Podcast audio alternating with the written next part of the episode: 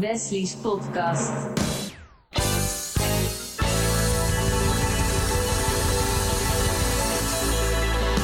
Welkom bij deze 16e podcast van RTV Purmerend.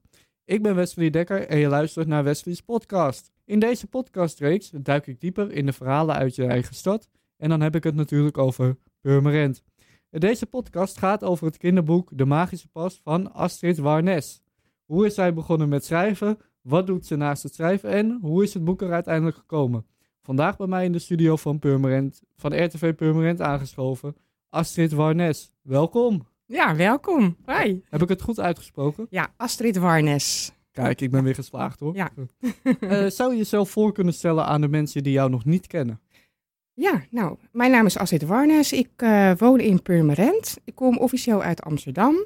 Ik heb een, eh, een zelfstandige praktijk in de psychosociale therapie. Ik werk met kinderen en volwassenen hier in Purmerend, bij praktijk Warnes. En ja, ik heb drie kinderen. Ik ben moeder van drie kinderen. Ze zijn ondertussen alle drie volwassen. Ben getrouwd met Marcel Poort. En eh, ja, wat wil je nog meer van me weten? Zijn er verder nog leuke hobby's of dingen naast het schrijven waarvan je zegt Ja, zeker. Zeker wel. Ja, ik ben eh, al van jongs af aan eh, gek op dans. Ik heb altijd al gedanst mijn hele leven, bijna. En ik zit al, nou, ik heb nu vijf jaar, of zes jaar meegedaan met de productie van musical theater Purple. Oké, leuk. En wij geven elk jaar in juni een uitvoering met elk jaar weer een andere musical. Ja, en dat is dansen, zingen, acteren. Elk jaar een ander rolletje, elk Ja. jaar wat anders. En dat maakt mij heel erg blij.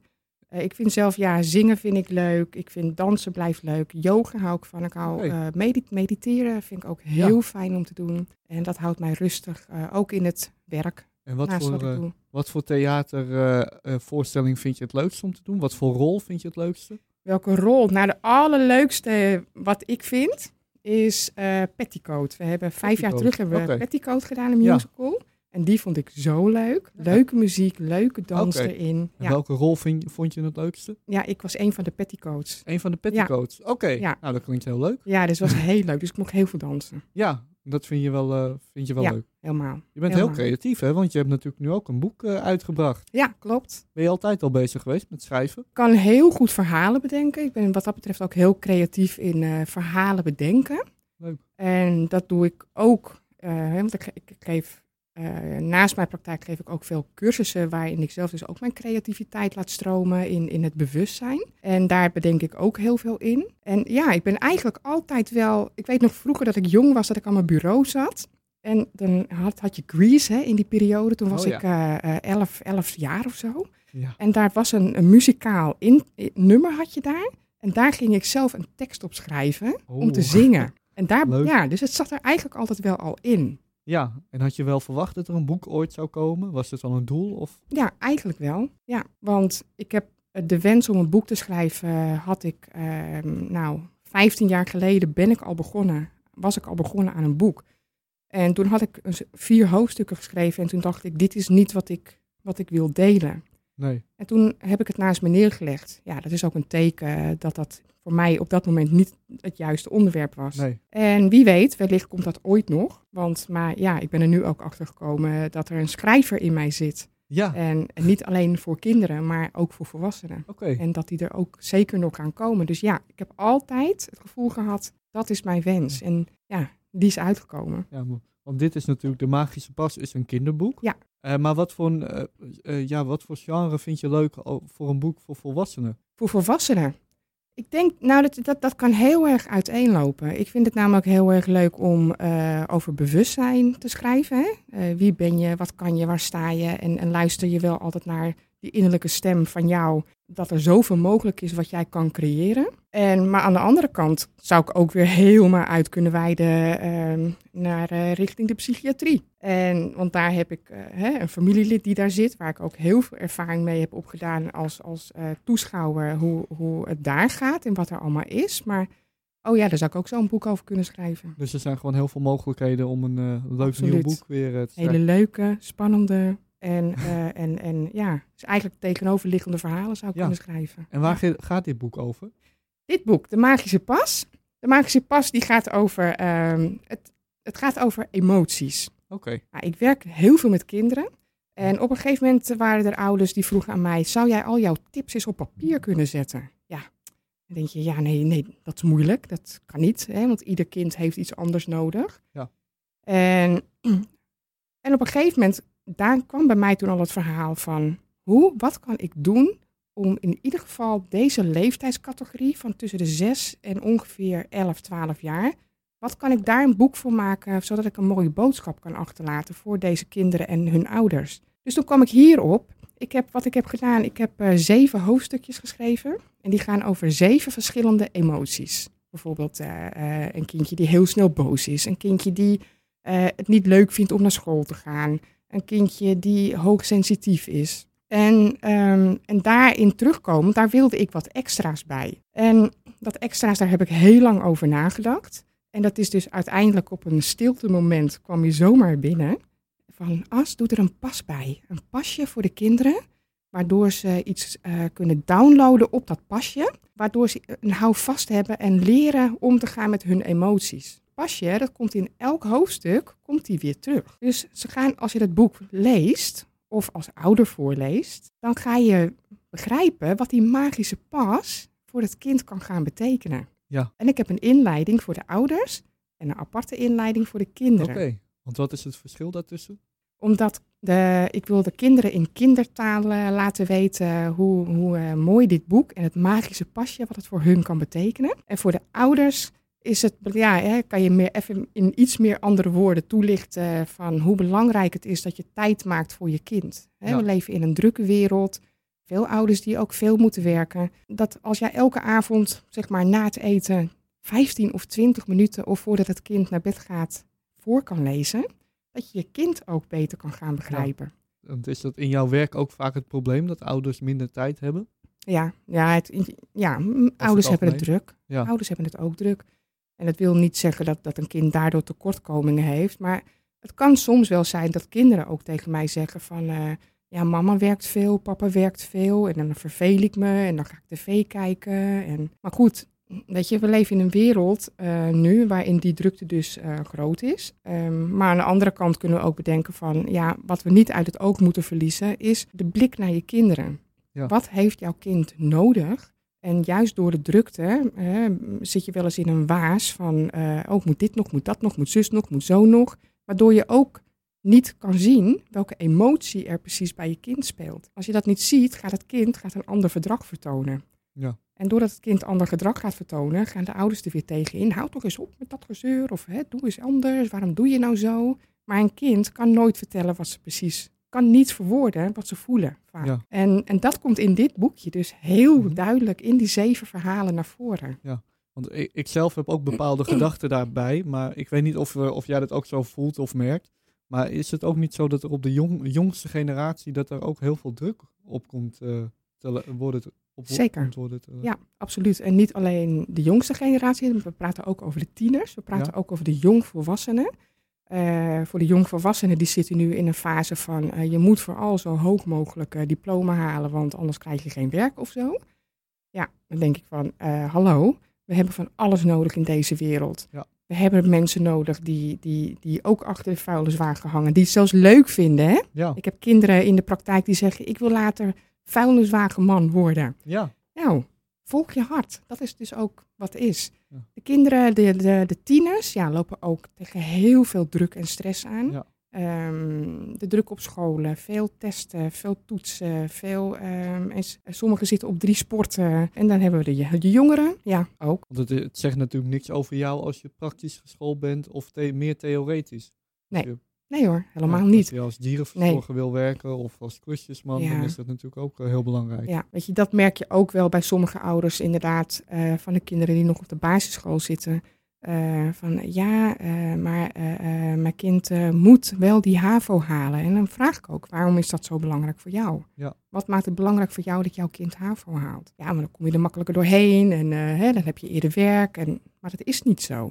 Het is ook een bepaalde motivatie die je natuurlijk moet Ja. hebben door je leven heen. Maar ik ben er ook van overtuigd in al die jaren dat ik dit werk doe, dat een kind altijd op zijn plek terechtkomt waar hij goed in is. Ja. En dat, ja, dat, dat, dat zien wij. Wij komen, hè, ik en mijn man komen vaak oud-leerlingen tegen van, eh, van mijn man. Ja. En die zijn er nu ergens in de twintig. Ja. En die staan stralend te vertellen. Ja, ik doe nu dit en dat. En ik ben er zo blij mee. Leuk. Ja. Ja. en dan kijken we elkaar aan en dan zeggen we ook van... Wauw, goed hè? Ja. Mooi. Die jongen is, is, is zijn passie gevolgd. We hebben allemaal een passie. En, En- hoe is het met jullie eigen kinderen? Met jouw eigen kinderen? Ja, maar, nou ja, mijn oudste zoon is nu 28. Die heeft ook moeten zoeken van wat past nou werkelijk bij mij. Ja. En dat was ook een heel proces. Maar ja, ik als moeder eh, ondersteun hem en ik heb hem altijd gelaten in, in die zin van eh, volg je hart, volg wat op dit moment voor jou goed voelt. Ja. Dus die heeft ook eh, behoorlijk lopen zoeken in wat past bij mij. En Ja. nu, de laatste twee, drie jaar, is hij ergens terechtgekomen waarin hij helemaal op zijn plek terecht is gekomen. Echt dat hij echt zegt, mam, dit is het. ja, dat is wel heel mooi natuurlijk. Ja. En, Ja. en ik heb daar altijd vertrouwen in gehad. En ook mijn middelste zoon, die is nu 25. Nee, ja, bijna. In augustus wordt hij 25. nog niet. Oh, En dan heb ik nog een dochter, die wordt eh, heel gauw 20 jaar. 19 juni. ja. Ja, en dan, eh, ja, heerlijk. Heerlijk leuk. om hun te volgen in hun passie. En ik laat ze zelf onderzoeken. Wat vind jij wat bij jou hoort? Ik Ja. ondersteun je. Ik ben er voor je. Want dat is er eigenlijk te weinig onder de ouders nu. Dat, Nou, dat, dat wil ik niet zeggen. Er zullen genoeg ouders zijn die dat ook doen. Ja. Ehm, maar er zullen ook ouders zijn van... eh, kijk, ik heb mijn jongste dochter nu ook gestimuleerd van... eh, nou, ik ga meteen die hbo erachteraan doen. Ben je 3,5 jaar, ben je verder of 4 Ja. jaar, ben je klaar? En mijn dochter zei, mam, nee, Nee, nee. Ik weet het dan nog helemaal niet, mam. nee. En toen zeg ik, oké. Ze zegt, weet je, ik blijf even eh, daar werken waar ze door haar stage werk aangeboden kreeg. En, en ze zegt, en dan ga ik gewoon eens goed voelen wat, eh, welke kant ik op wil. Ja, En daar komt ze nu dus bij. ja, Ja, want in, dus- in de praktijk is werk natuurlijk heel anders dan dat je Is een paar dagen per Ja. jaar even gaat kijken van hoe, hoe gaat het nou? Zeker, echt. Ja. is echt zo, ja. Ja, en dan kom je altijd dus op dat stukje, en dat, dat geldt dus voor iedereen, zowel voor kinderen. Kijk, kinderen, vooral de jongere kinderen, zijn vaak puur. Eigenlijk zijn die kinderen Ja. spiegels voor de ouders, hè? Ja. Ik, eh, en kinderen doen vaak uit hun puurheid, eh, doen ze iets waarvan de ouders zeggen, ja, nee, maar dat kan niet, of dat mag niet, of dat kan je niet maken. Nee. En dan, hè, dan zie ik dat en denk ik, oh, maar waarom niet? Hè, bijvoorbeeld, eh, eh, neem ik als voorbeeld een, een kind van eh, bijvoorbeeld acht jaar. En die moeder had gezegd van, ja, maar hij wil een winkeltje, maar wij vinden hem te oud om een winkeltje nog te spelen. Ja. Dus ik zeg, acht jaar, Ehm, wat moet hij dan doen op acht jaar? Ja. En ik zeg van, waarom mag hij niet met een winkeltje spelen? Want hij is nog kind. Ja. En hij heeft zo'n levendige fantasie. En een week later hadden ze een winkeltje voor hem gekocht. En ze zeggen van, oh, ja, we waren al wat verder. Wij dachten al dat hij, dit- dat, hij dat niet meer nodig had. Zeg, nee, laat het kind alsjeblieft kind zijn. Ja. En dat is ook echt mijn motto. En ook wat in het boek terugkomt. Laat het kind kind zijn. Laat, zorg niet dat ze al dit moeten en dat Nee. moeten kunnen.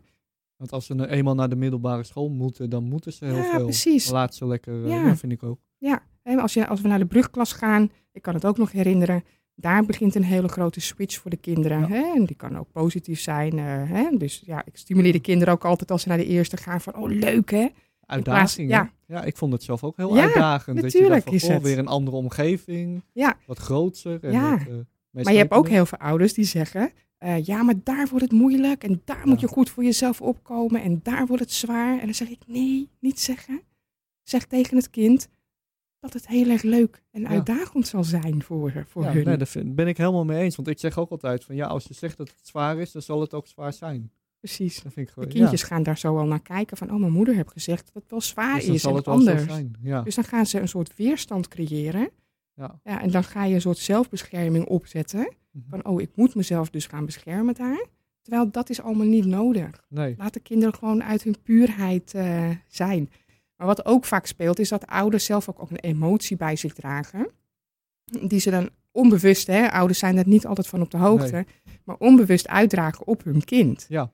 Dus daar confronteer ik dan ook de ouders vaak weer mee van wat zegt het over jou in plaats van over je kind? Waarom Ja. wil jij dat? Want je kind heeft er eigenlijk geen last van, maar jij legt de druk wat hoger voor je kind, omdat het misschien nog jouw oude emotie is. Ja, En daar maak je iets moois mee open. dus dat ze eigenlijk hun eigen wensen en eh, dingen wat ze zelf hebben meegemaakt gaan projecteren op hun eh, Ja. kinderen.